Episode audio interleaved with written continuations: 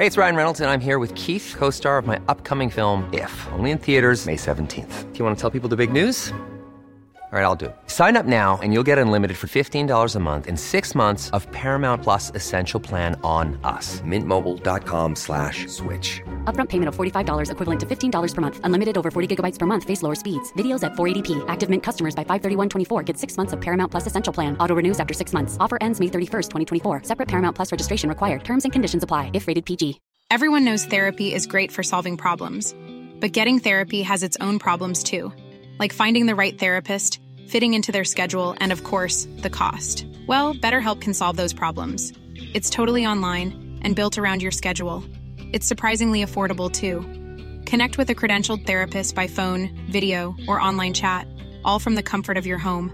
Visit betterhelp.com to learn more and save 10% on your first month. That's BetterHelp H E L P. Millions of people have lost weight with personalized plans from Noom, like Evan, who can't stand salads and still lost 50 pounds. Salads, generally, for most people, are the easy button, right? For me, that wasn't an option. I never really was a salad guy. That's just not who I am. But Noom worked for me. Get your personalized plan today at Noom.com. Real Noom user compensated to provide their story. In four weeks, the typical Noom user can expect to lose one to two pounds per week. Individual results may vary. Helt siden de første menneskene slo seg ned i Trøndelag, har det blitt observert underlige lys over Hessdalen. Fenomenet har blitt forsøkt bortforklart som syner sett av bygdetullinger og deliriske hallusinasjoner forårsaket av den lokale drikkekulturen. Men det skulle vise seg at fenomenet stakk langt dypere, når Hessdalen-fenomenet fikk verdensomspennende oppmerksomhet i ufo-miljøet på 1980-tallet. Fenomenet er fremdeles der, og det er fremdeles like uforklarlig som den gang.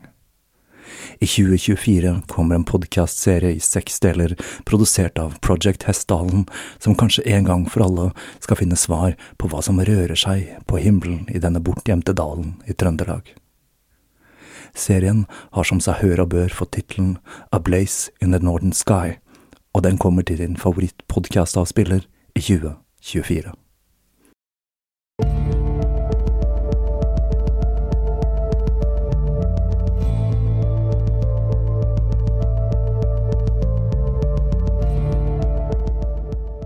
Hei og velkommen til Tåkeprat. Jeg heter Even, og nå er vi da kommet til episode 39.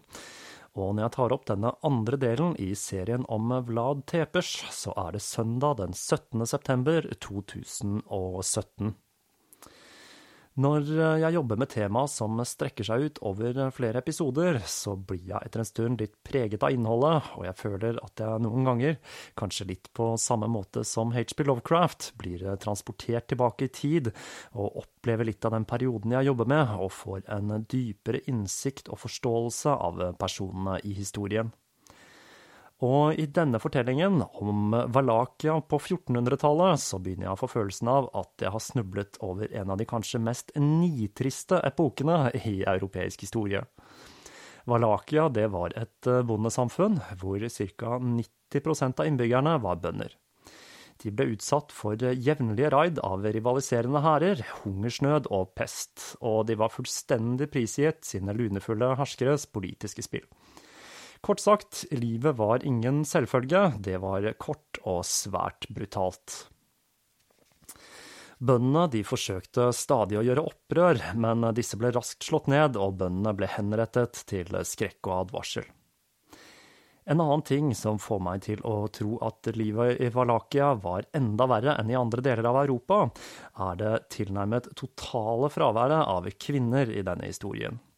Som tidligere nevnt, så hadde de en svært lav sosial status i dette samfunnet, men det får da være måte på.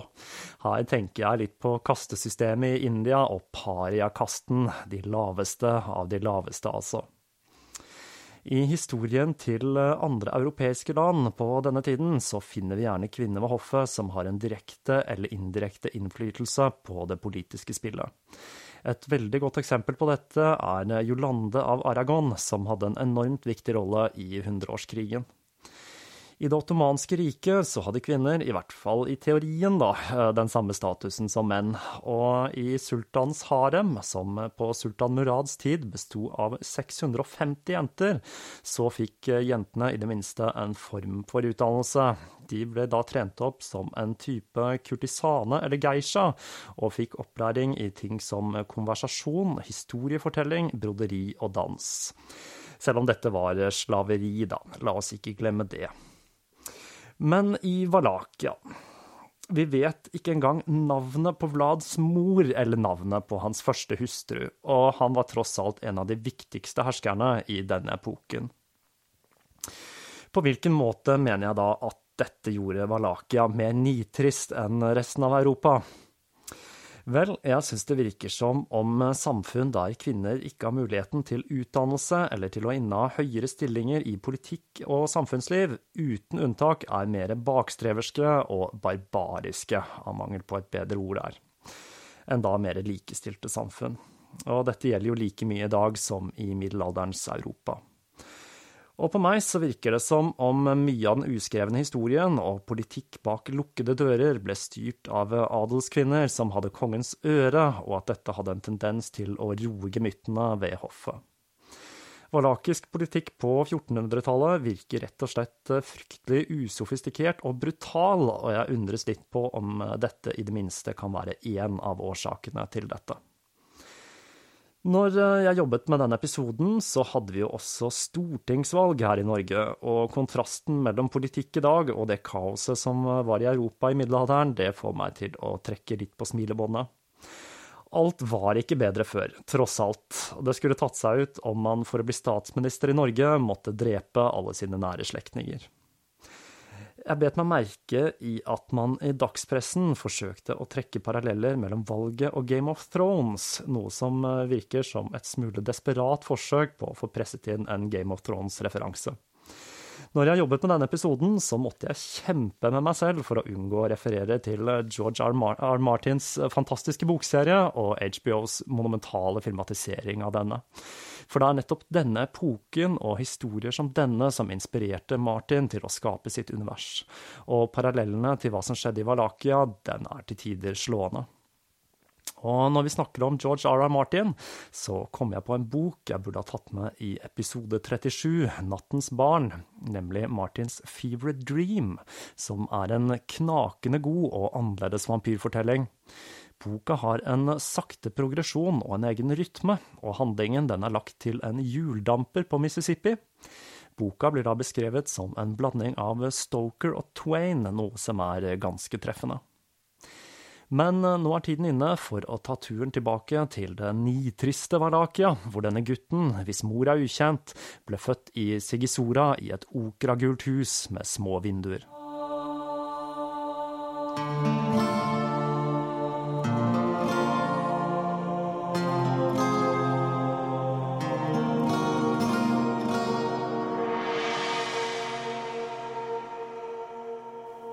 Det som skulle bli det ottomanske riket, ble startet av Osman, som ble født i Bytynia.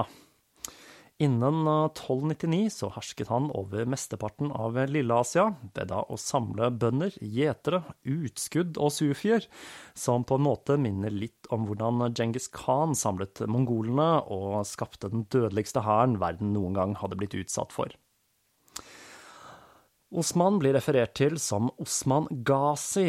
Gaza det er da et ord som tilsvarer jihad, eller hellig krig, og målet til Osman det var å erobre verden ved å absorbere den i islam. Historien om 1400-tallet er like mye en historie om fallet til Bysant som veksten til det ottomanske riket. Og her passer det virkelig med Voltaire sitt mye brukte sitat. Historien er full av lyden av silketøfler som går ned, og tresko som går opp.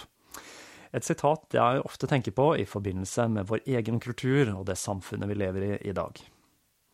Framrykningen til islam hadde frarøvet Bysants sine kornåkre i Anatolia og muligheten til å rekruttere nye soldater fra denne regionen. Tradisjonelt så hadde det vært verneplikt for alle menn under 40, og den bysantiske hæren hadde bestått av 120 000 mann.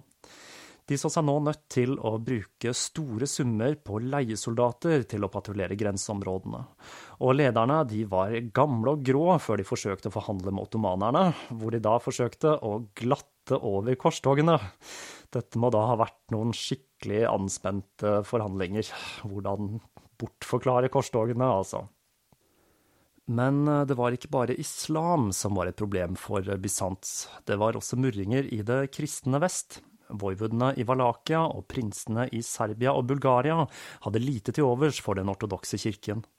De greske øyene var befolket av venesianere, genovesere og franske handelsmenn, og riket var nå blitt til Voltaires silketøfler, og treskoene, var, de var det ottomanerne som kom med. I Konstantinopel så hersket det fullstendig kaos. Keiser Jon Palegoleus ble sparket av tronen hele tre ganger, alle gangene av sin egen familie. I tillegg til dette så ble det bysantiske riket rammet av svartedauden i denne perioden, og dette tynnet da ut befolkningen og spredte frykt. Huset Vlad Tepers ble født i, lå i festningsbyen Sigisora.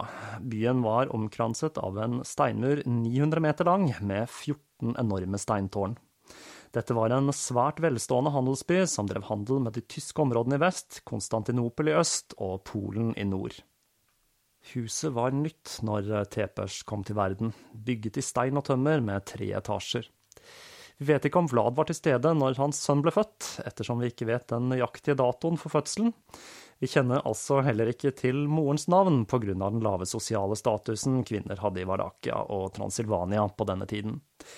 Mest sannsynlig så var hun en av Vlads mange elskerinner, og siden det arvemessig ikke ble skilt mellom bastarder og ektefødte barn i Valakia, så kunne ikke Vlad avfeie et barn født av en av sine elskerinner. Vi liker å tro at eh, barn i dag ble konfrontert med voksenlivet altfor raskt. Men sammenlignet med barn født i middelalderen, og spesielt en som Vlad, som var forventet å skulle regjere et land, så var det knapt tid til en barndom før voksenlivets realiteter innhentet den lille Tepers. Mens han fremdeles var en liten gutt, fikk faren hans ordre fra Sigismund om å forberede seg på et angrep fra tyrkerne.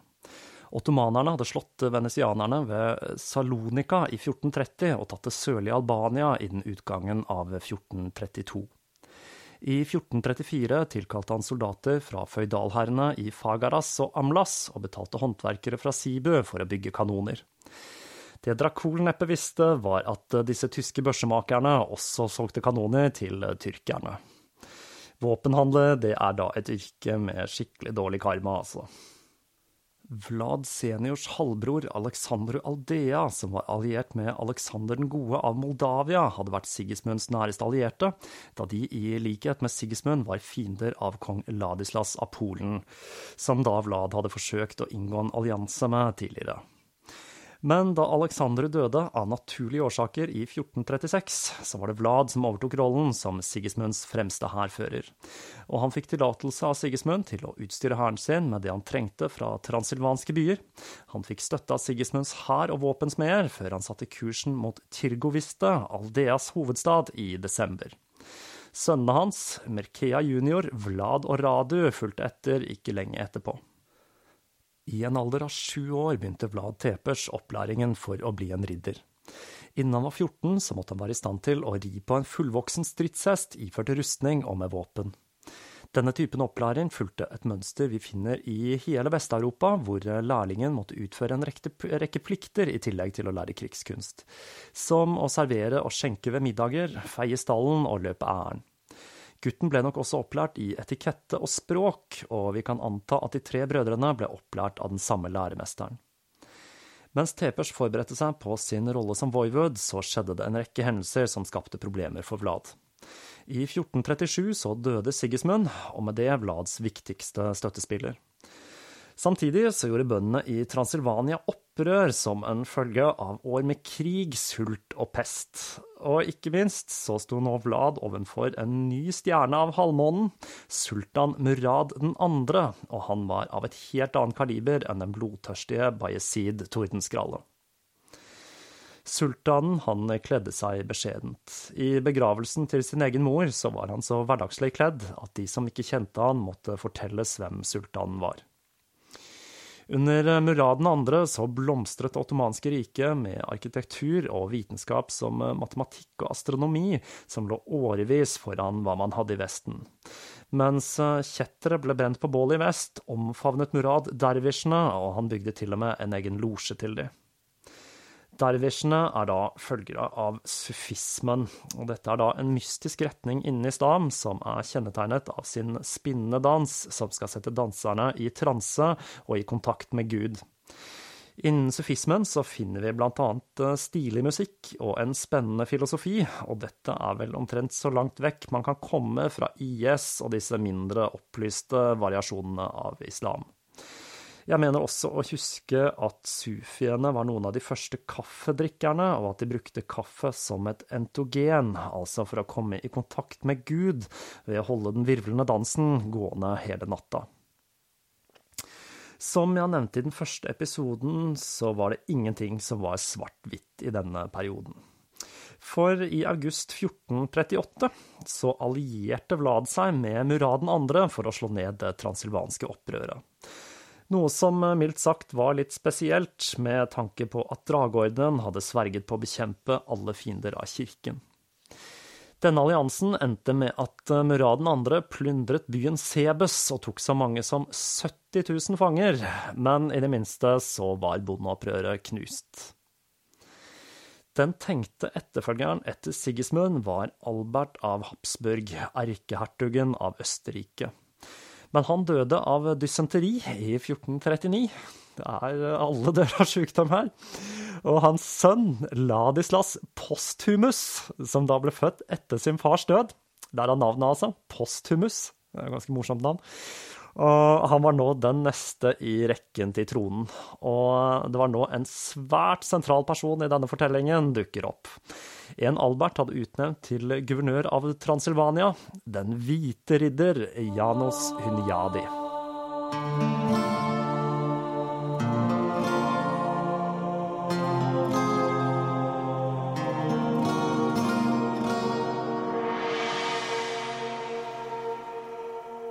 Hunyadi har i likhet med TPS fått en legendestatus i ettertid, og ottomanske mødre brukte Hunyadis navn til å skremme ulydige barn. Janos ble født i Valakia eller Transilvania i ca. 1387. Han var en forretningsmann, kriger og ikke minst, han var god til å danse. Og når det faktum har overlevd historien, så må han virkelig ha vært litt av en danser. Til tross for at han ikke hadde en formell utdannelse, så kunne han en rekke språk, og han hadde blitt uunnværlig for Sigismund ved å låne han penger, noe som får meg til å tenke på gilderiet og hans pengeutlåning. Han ble slått til ridder i 1409, og hadde hovedsete i den gigantiske borgen Hunedoara i Transilvania. Janos han var litt av en type. Brønnen i borggården, som var 18 meter dyp, ble gravet av tyrkiske fanger uten bruk av verktøy, altså bare med hendene. Det tok ni år, og da de var ferdige, så fikk de ikke friheten de var blitt lovet, men de ble kastet over borgveggen og druknet i vollgraven. Navnene deres er fremdeles risset inn i brønnen, med inskripsjonen Du har vann, men ingen sjel. det er harde, harde kår, altså.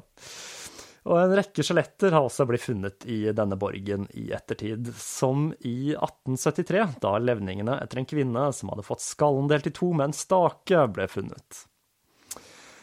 Mens eh, Vlad Dracul forsøkte å glatte over sitt samarbeid med Murad 2., så begynte ryktene om at Ladislas Posthumus var et resultat av en affære moren hadde hatt ved hoffet, å florere.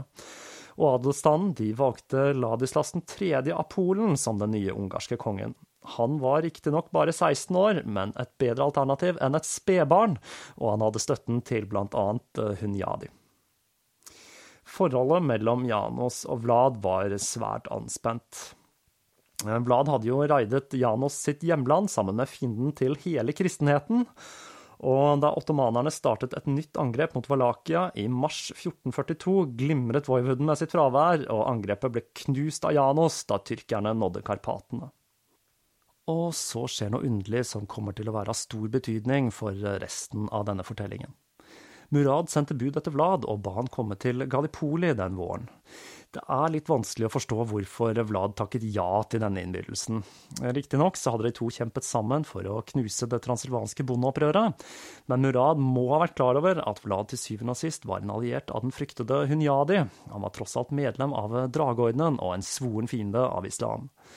Og det som gjør det hele enda merkeligere, er at Vlad tok med seg sine to yngste sønner, Vlad og Radu, til dette møtet, samtidig som han spredte rykter om at han, hans eldste sønn, Mirkea, var død, noe som da kan tyde på at han ante at det var ugler i mosen. Jeg må si at de var ganske uoppfinnsomme med navn, disse valakerne. Som vi ser, så går de samme navnene igjen og igjen, generasjon etter generasjon. Når de kom til Gallipoli, så ble de umiddelbart lagt i lenker. Guttene ble fraktet til Anatolia, til festningen ved Egrios i fyrstedømmet Karaman. Vlad han ble holdt ved Edirn i nesten et år før han ble sluppet fri på visse betingelser. I denne perioden så regjerte hans eldste sønn Mirkea i sin fars fravær, til tross for at han da kun var 15-16 år gammel. Vlad måtte sverge på Bibelen og Koran og aldri kjempe mot ottomanerne. I tillegg så måtte han betale en årlig skatt på 10 000 dukater, og på toppen av det hele så måtte han årlig sende gutter i alderen 8 til 20 fra valakiske landsbyer som skulle bli trent opp som janitsarer. Dette tallet varierer fra 1 til 3000.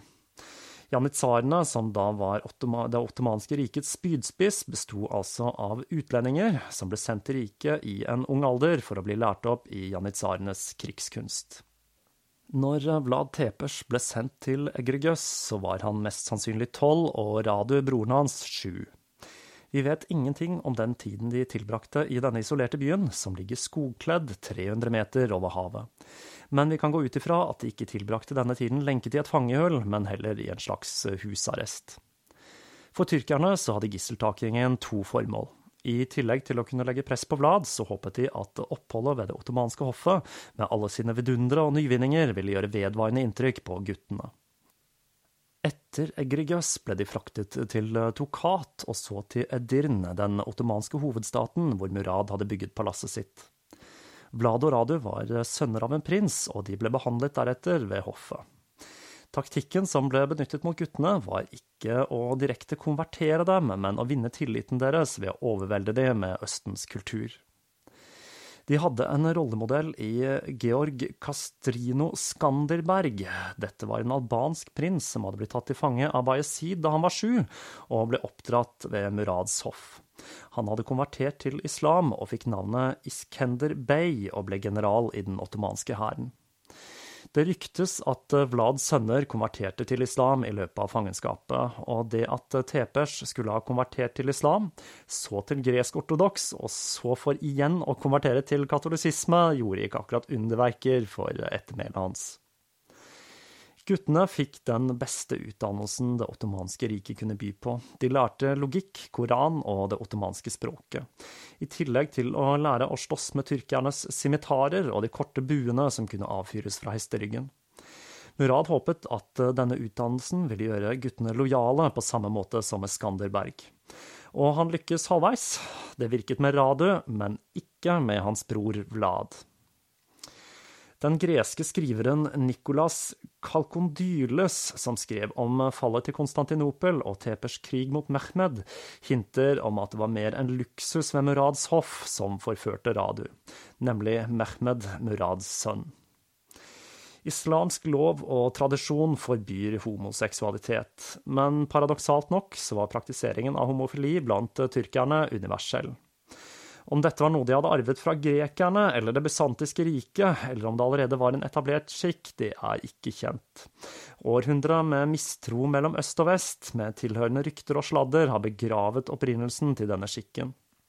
Men ifølge Kalkodyles så forførte Mehmed Radu, som skulle bli en trofast følger under hans sultanat. Radu skulle ikke forlate tyrkerne før han ble innsatt som en marionette på den valakiske tronen i 1462.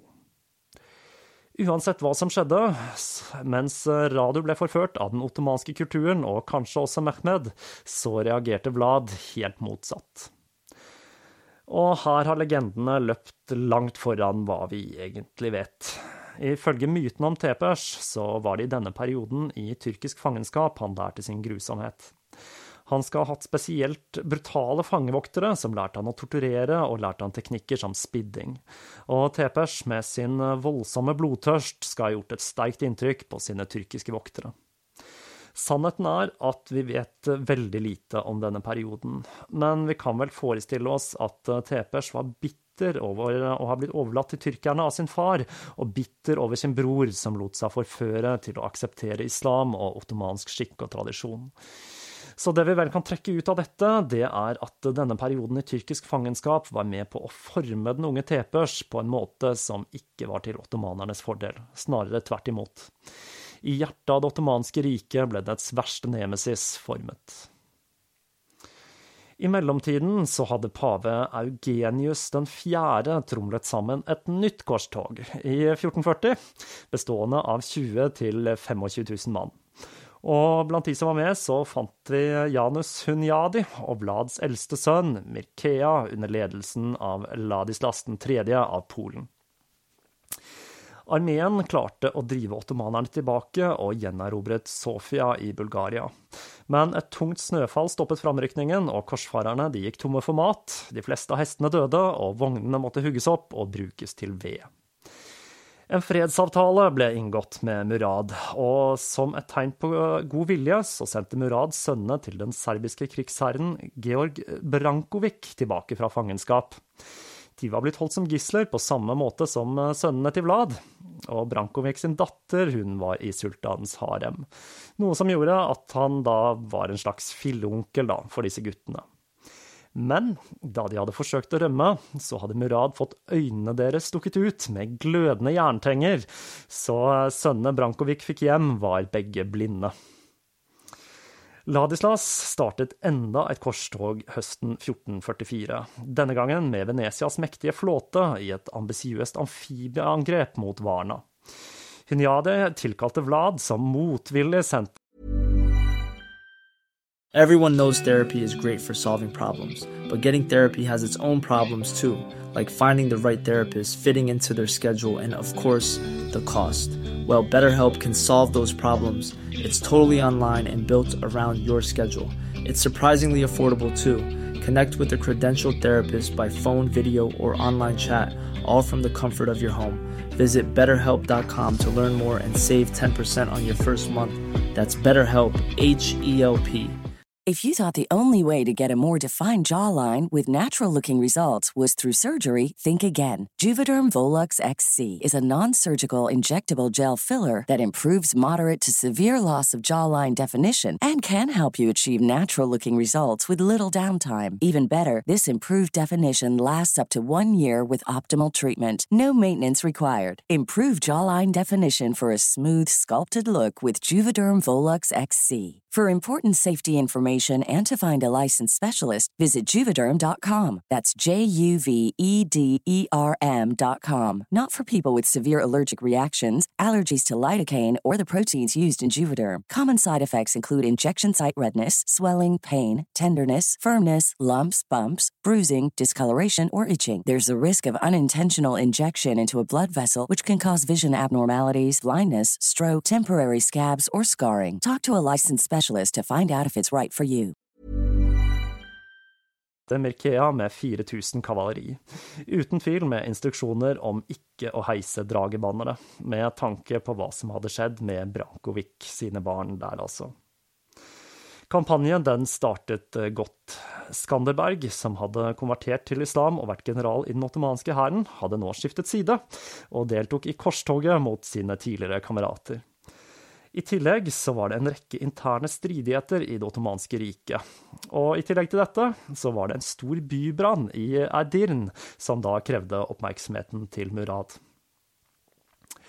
Hæren vant eh, flere slag, og vardakierne benyttet kanoner for første gang, som i motsetning til de klønete børsene gjorde stor skade på festningsverk og forsvarende hærer. Men, for det er selvsagt en men her, da. Da de kom til Varna i november 1444, som var en mektig havneby, så ble de møtt av en hær som var tre ganger så stor som armeen til Hunyadi. Murad selv ledet angrepet mot korsfarerne med den brutte fredsavtalen tredd på lansen sin. Ladislas av Polen han ble kastet av hesten sin og hakket til døde av tyrkerne, som halshugget han og trette hodet hans på en lanse og holdt det opp foran korsfarerne, som bitre og demoraliserte begynte tilbaketrekningen. Liket hans det ble aldri funnet, og i årene som kom ville gjenferdet hans og historier om dette spre seg over hele Europa. Resultatet av dette sviende nederlaget ved Varna gjorde at beskyldningene haglet mellom Vlad og Hunyadi. Det hele toppet seg i et møte i Trigoviste, hvor de to beskyldte hverandre for forræderi, og Vlad trakk sverdet og la det mot strupen til Hunyadi, før situasjonen ble roet ned av kaldere hoder. Skanderberg måtte betale en klekkelig sum løsepenger for å slippe unna fangenskap. Men krigens maskineri det sto ikke i ro. I 1445 så startet en ny kampanje, mest sannsynlig for å få fatt i liket til Ladislas. I løpet av denne så tok Mirkea Dracul sin bestefars festningsverk på Georgio, som da hadde falt i tyrkiske hender. Selv om tyrkerne som forsvarte denne borgen, overga seg til den valakiske prinsen, så beordret han de alle henrettet. Vlad deltok nå selv i kampanjen. Med støtte fra Bulgaria så klarte de å gjenerobre Nikopolis. Vlad hadde nå hevnet sin far for det sviende nederlaget. Men igjen så kom vinteren med tunge snøfall, og krigføringen stoppet opp pga. matmangel. Vlad inngikk en ny traktat med Murad sommeren 1447. Han måtte gi fra seg det nylig erobrede festningsverket på Georgio. Til gjengjeld så skulle Valakia og Vlads sønner forbli trygge. Men nå hadde Hunyadi enda en grunn til å forakte Vlad, som da hadde inngått en ny avtale med fienden. Og i november 1447 så angrep han Valakia for å styrte Dracula og innsette Vladislav av Danesti-familien på den valakiske tronen. Dette angrepet førte til at de valakiske bojarene gjorde opprør. Vlads sønn Mirkea ble tatt til fange da han forsøkte å flykte, og han møtte et grusomt endelikt. Han ble torturert, så fikk han øynene stukket ut med glødende tenger, før han til slutt ble levende begravet. Vlad flyktet. Han red øst mot den eneste allierte han hadde igjen, tyrkerne. Men i myrene i Balteni like ved Bucuresti ble han innhentet og halshugget. Legendene sier at liket hans ble begravet i et trekapell i nærheten av klosteret Dialul, men de har aldri blitt funnet. En annen historie forteller at liket ble tatt til Snagov og begravet der. Den valakiske krigsherren, som hadde bedratt Vesten ved å alliere seg med tyrkerne, og hadde forrådt sine egne sønner ved å la de bli tatt til fange og bli oppdratt ved det ottomanske hoffet, var selv nå beseiret. Han etterlot sverdet og drageseilet til sin eldste gjenlevende sønn, Vlad Tepers. Det han ikke kunne etterlate seg når han døde, fordi han hadde mistet det, var fyrstedømmet Valakia.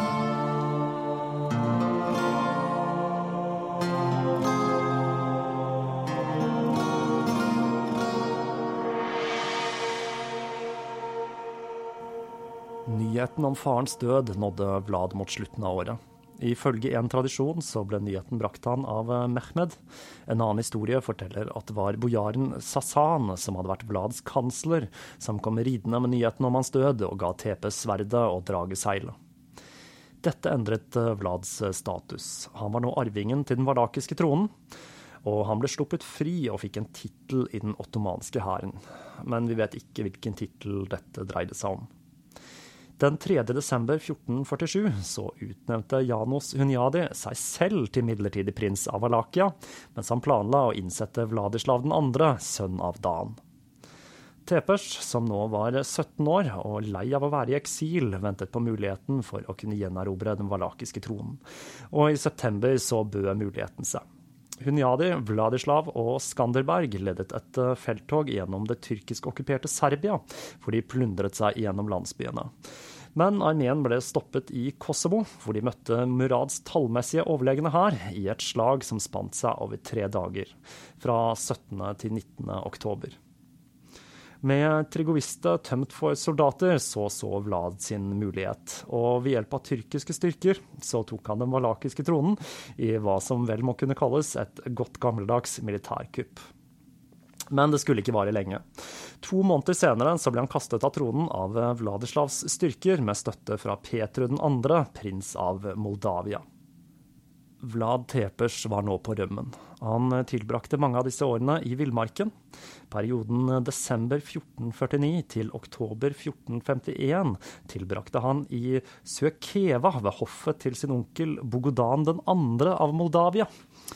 Her fullførte han mest sannsynlig utdannelsen sin sammen med sin fetter Stefan, som senere skulle bli en av de best likte herskerne i Øst-Europa, da som Stefan den store. Bogodan ble drept av en rival, sin egen bror, Petru Aron, og Tepers og Stefan flyktet til Valakia via Burgopasset. Dette kjenner vi jo godt fra historien til Bram Stoker.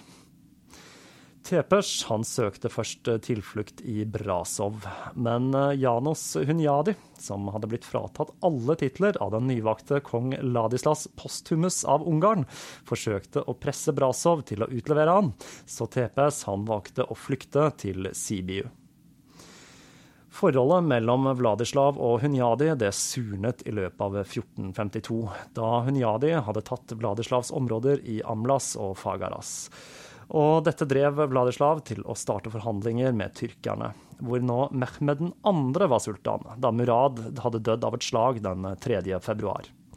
Dette førte til at Hunyadi og Tepers kom på talefot igjen, og Tepers ble nå utnevnt til forsvarer av Transylvania, med hovedsete i Sibu. Med fallet av Konstantinopel i 1453 var sannsynligheten for et tyrkisk angrep større enn noensinne. Som pave Nikolas 5. sa, lyset til kristenheten er slukket. Mens Hunyadi forberedte seg på å forsvare Belgrad, så mobiliserte Vlad troppene sine for å styrte Vladislav, som nå samarbeidet åpenlyst med tyrkerne. I midten av juni 1456 overrumplet Vlad sine tropper hæren hans, og i slutten av juli ble Vladislav hugget ned i en kamp mann mot mann mot Vlad Tepers, som ble innsatt på ny den 22. august.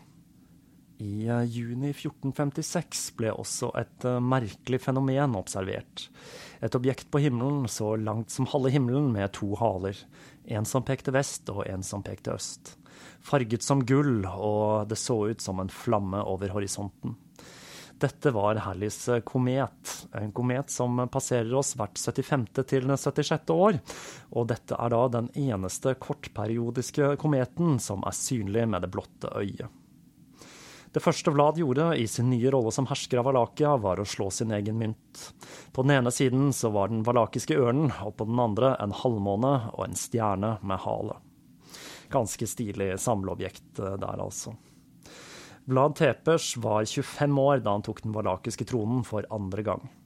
Han ble kronet i katedralen i Tirgovista i september 1456 som prins Vlad, sønn av Vlad den store, enehersker av Ungro-Valakia og hertugdømmene Amlas og Fagaras. Denne gangen skulle han sitte på tronen i seks år, og selv om vi ikke vet så altfor mye om hvordan han planla styret sitt, så var denne perioden mer konsis og dynamisk enn under de tidligere, tidligere vardakiske herskerne. I eh, innenrikspolitikken var Vlads største utfordring bojarene. Mange av de hadde støttet Vladislav militært, og det var også de som sto bak halshuggingen av Tepers far og den grusomme henrettelsen av hans bror.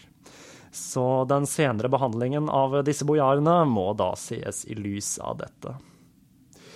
TPs reaksjon mot disse bojarene har klare paralleller til Stalin.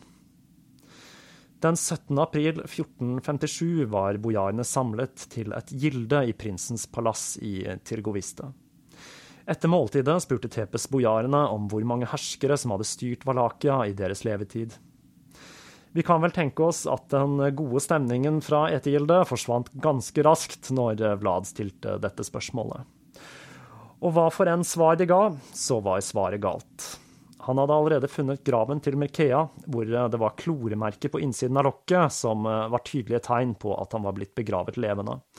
For ikke snakke om at han var blitt torturert og fått øynene brent ut før han ble begravet da. Ifølge enkelte nedtegnelser ble 500 bojarer og familiene deres spiddet i palassets borggård. Men i realiteten så kan det ikke ha vært flere enn 200 bojarer til stede, og plassen der henrettelsene fant sted, hvis ruiner er der den dag i dag, kan neppe ha plass til henrettelsen av mer enn 40. Men spiddet, det ble de, for å ha forrådt Vlad og drageordenen. De han ikke drepte, husk at vi snakker om bojarene og familiene deres her, inkludert eldre, kvinner og barn, de ble lenket og fraktet åtte mil nordover til borgen Puenari, hvor de jobbet som slaver med å restaurere dette festningsverket i fjellene, og det sies at de jobbet til klærne ramlet av kroppene deres i filler, og de falt døde om av utmattelse. Restaureringen av dette festningsverket ved bruk av det tidligere øverste sjiktet av adelsstanden hadde ingen tidligere parallell i Europa. Puenari, som i dag er en dramatisk eføykledd ruin høyt over elva Arges, hadde en gang fem sylindriske tårn med plattformer til kanoner. Veggene var forsterket med stein og murstein og skulle kunne motstå et tyrkisk bombardement. Det hadde sin egen vannforsyning og en hemmelig rømningsvei som også kunne brukes til å frakte inn forsyninger. Det var til slutt jordskjelv og ikke tyrkernes kanoner som la festningsverket i ruiner. Det er Poenari som var modellen Bram Stoker baserte sitt Draculas slott på. Tepers hadde nå i praksis utslettet den høyeste adelen i Valakia, og det var kun noen få bojarer som overlevde denne prosessen. Han innsatte nå mer ydmyke menn han kunne stole på i offentlige stillinger. Han gjorde også et par ting som har tydelige historiske paralleller. Han opprettet Vitesji, et offiserkorps i hæren som ikke ble rekruttert fra adelen, men fra bondestanden. Og ikke minst så opprettet han Armas, et hemmelig politi som har en rekke likhetstrekk med Ceaucescos Securitate. Her innsatte han utlendinger som hadde mindre problemer med å utføre henrettelser og tortur av valakiere enn valakierne selv. TPs forhold til religion er et tema det strides om. Det er altså mulig at han som sin bror konverterte til islam. Og i Valakia var det den ortodokse kirken som sto sterkest. Men drageordenen var altså knyttet til den katolske kirken.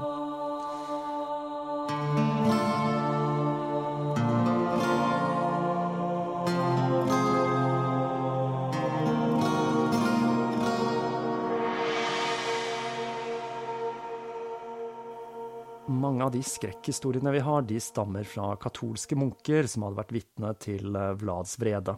Og det er mye mulig at broder Jakob, som sto bak den kjente fortellingen om Dracula, selv hadde overlevd et angrep fra Tepers. Denne antikatolske linjen gjorde også Tepers anti-ungarsk da Ungarn var katolsk. Og to av byene det skrives om i historiene til broder Jakob, det var Brasov og Sibu, som var byer i hertugdømmene Amlas og Fagaras, som hadde blitt tatt fra Tepers far av Hunyadi og Vladislav 2. Transylvania var nå styrt av rike tyske og ungarske handelsmenn, mens rumenerne selv, de var stort sett bønder.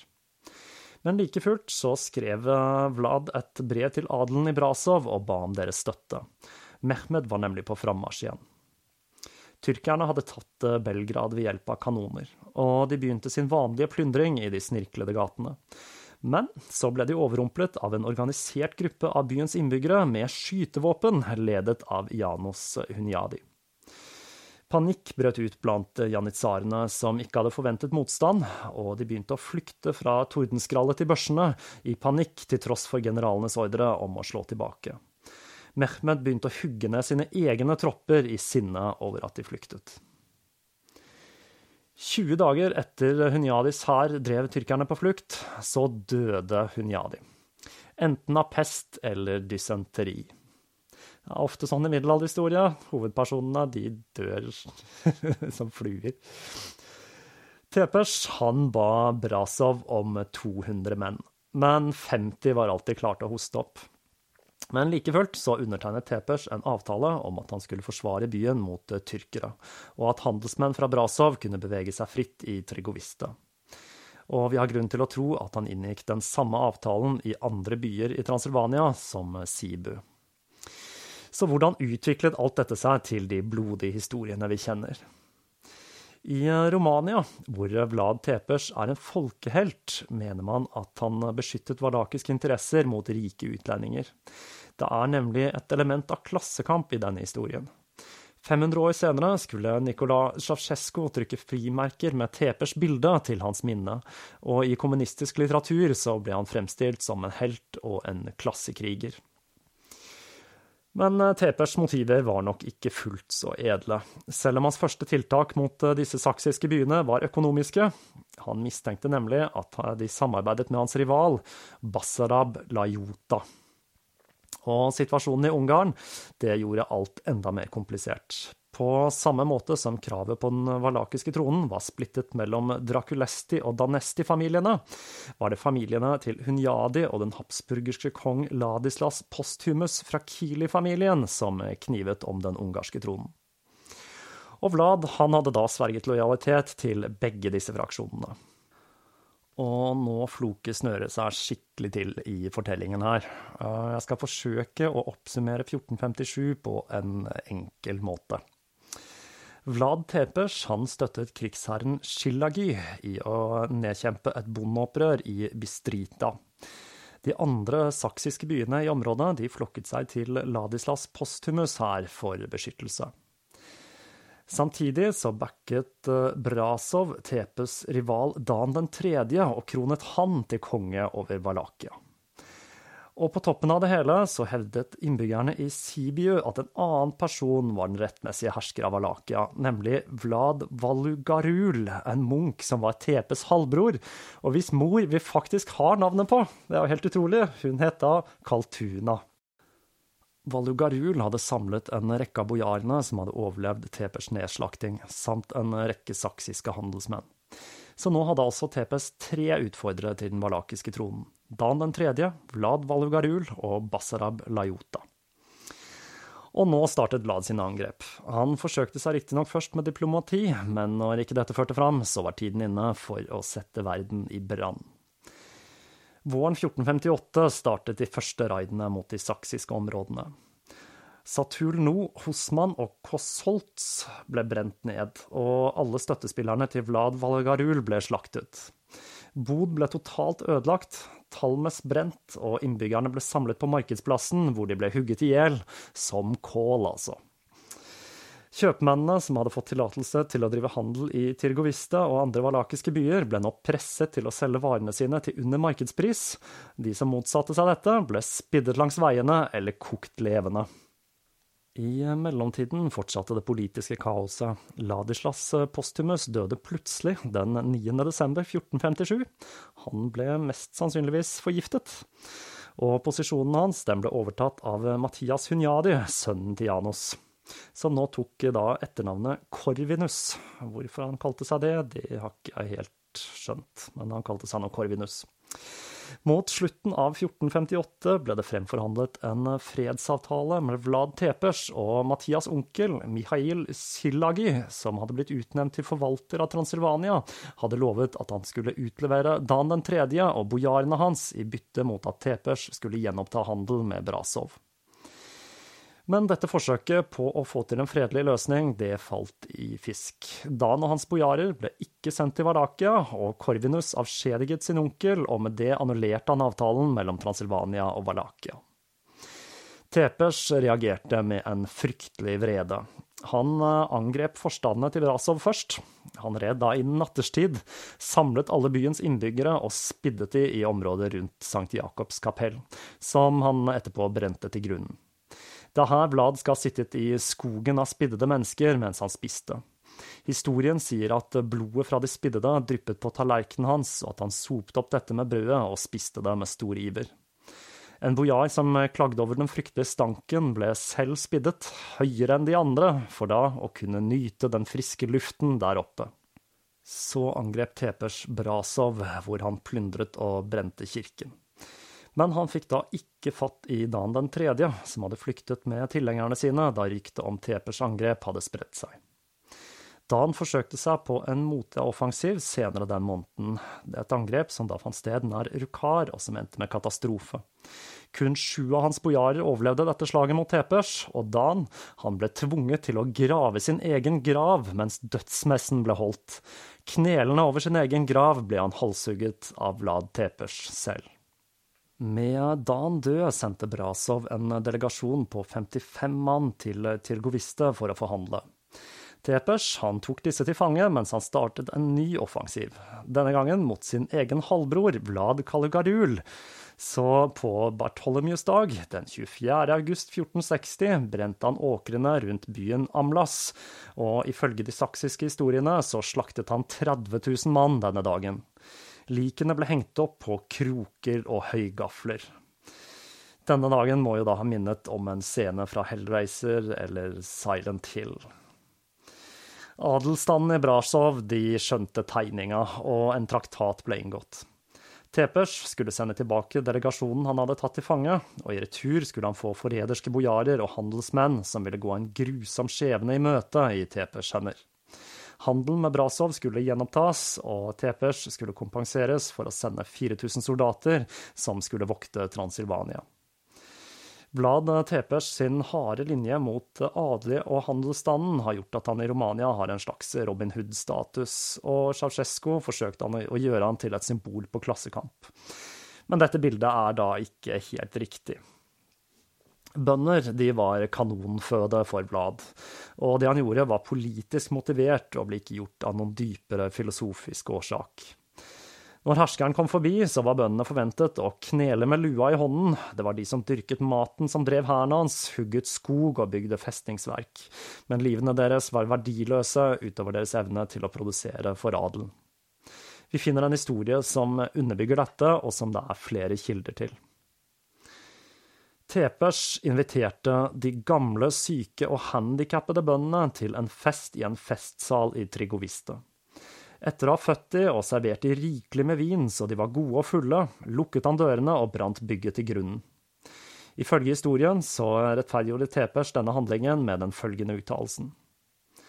Disse menneskene lever av svetten til andre, så de er verdiløse for menneskeheten. Dette er en form for tyveri, de er verre enn røvere. Må slike mennesker bli utryddet fra mitt rike. Vi vet nesten ingenting om Vlads privatliv. For eksempel så vet vi ikke navnet på hans første kone, som da antageligvis var en valakisk eller transilvansk adelskvinne som begikk selvmord i 1462. Vi vet heller ikke hvor mange elskerinner han hadde, men vi får håpe at de slapp den samme skjebnen som elskerinnen som ble skåret opp for å bevise at hun ikke var gravid. Innen 1462 hadde Vlad Tepers sentralisert all makt rundt hovedsetet sitt i Tyrgoviste, selv om han begynte å foretrekke den mer sørlige byen Bucuresti. Han hadde full kontroll over bojarene, og handelen med Transilvania blomstret. Han hadde henrettet den ene rivalen sin og skremt de andre fra å forsøke seg på å ta tronen. Han hadde alliert seg med Mikhail Silagi, og gjennom han hans nevø Mathias Korvinus av Ungarn, og de vestlige grenseområdene de var trygge men i sør, ved Donaus bredder, ventet Mehmed, erobreren.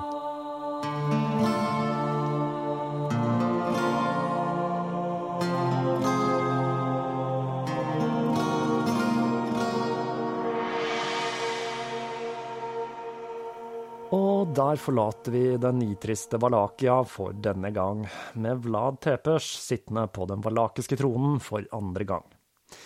I neste episode skal vi annet se på Tepers rolle i forsvaret mot framrykningen til Mehmed og det ottomanske riket. Jeg vil avslutte med å takke for alle de hyggelige tilbakemeldingene jeg har fått på Tåkeprat.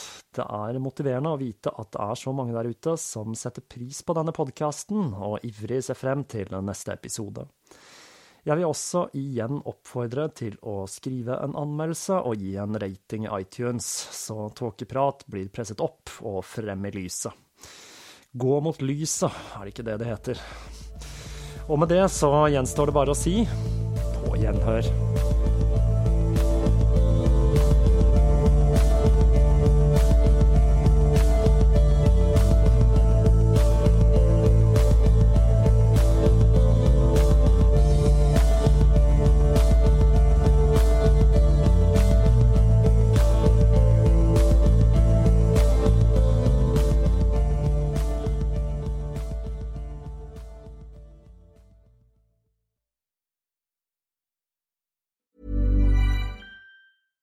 Hey, it's Paige DeSorbo from Giggly Squad. High quality fashion without the price tag. Say hello to Quince.